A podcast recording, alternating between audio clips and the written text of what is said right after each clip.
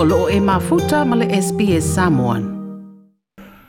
Ua wha maalo e tui pui pui o tangata umoe whai ngā luenga i noa fuanga e tau siai tangata mātutua po o aged care facilities. E au ai ma se whesoa mai le maalo tele i aged care facilities, ma isi noa fuanga e te tongi ei livio tangata whai ngā luenga i le taimi e whai ai o lātou tui pui pui Na o mai ele nei wha alinga mai le pāle mia Scott Morrison i le pōle songa fuana te nei ai o toe whengai pe o toe whengai ei le atunuu ma le pepesi o le coronavirusi. Um, the first I would note is that we have agreed uh, to mandate vaccination uh, to have at least one dose by September, mid-September 2021 of all residential aged care workforce against COVID 19 as a condition of working in a residential aged care facility.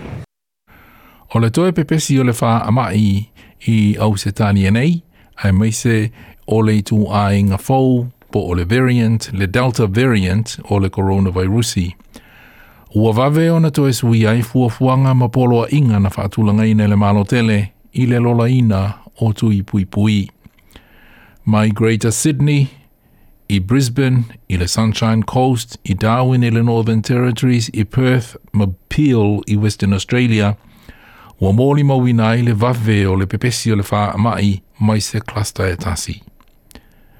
Na saunoa le pālemia Scott Morrison. The Delta variant is proving to be a far uh, more difficult um, element of this virus than we have seen to date – this is not just the case in Australia. It was certainly my experience when I was overseas that the Delta variant is presenting very different challenges uh, from those that we have faced in the past, and that was a topic of some discussion at our meeting this evening.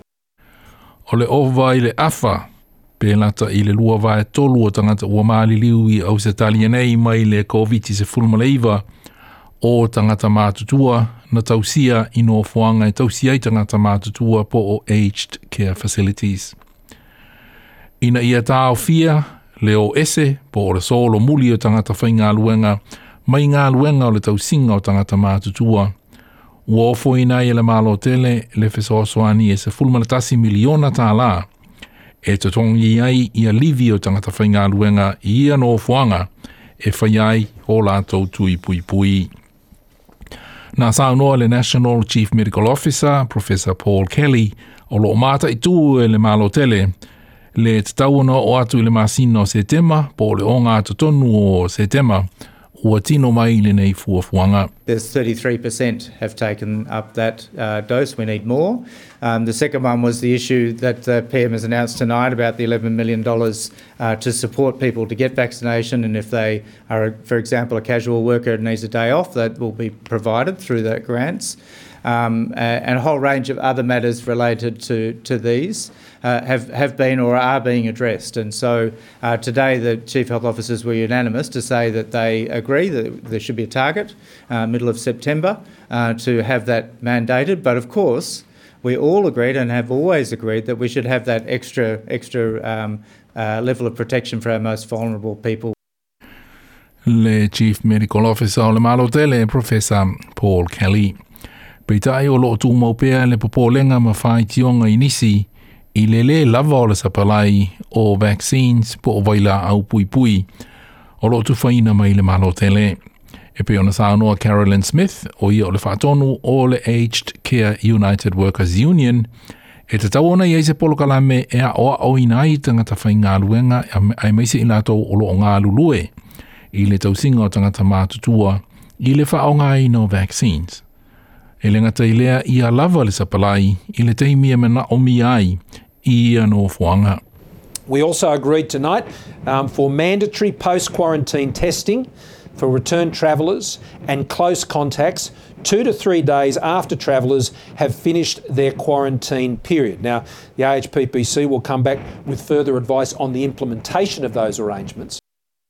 Le i le fuafuanga o le faya leo tests o tangata malanga umwa i le tolu pe faaso ta luona mai a ia le periota o alato quarantine. O le afa amalo si fo i tangata umwa e ngā lulue i le quarantine e au fia i ma aveta avale e faya o lato tui pui pui. Ua faalia mai i le kapeneta le atunuu o le afa tulanga ina se tūla fono e le tu ua i ai fō mai.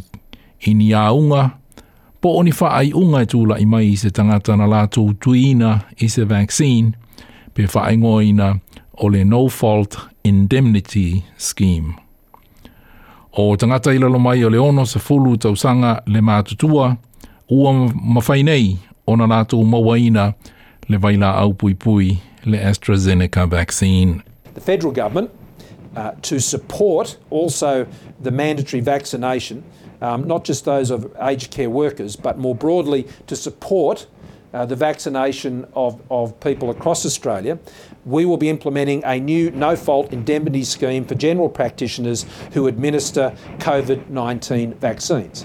So, this relates um, to encouraging um, Australians to go and chat to their GP about their vaccination and to have their vaccination administered. Le palemia. Uh, Scott Morrison, mōnisi wha matalanga i le i pui puinga i sā mawawao ma so o se wha matalanga lawa te mana o mia, latest updates mō ma talafou i le coronavirus i ma whaiona e maua i le sbs.com.au slash coronavirus.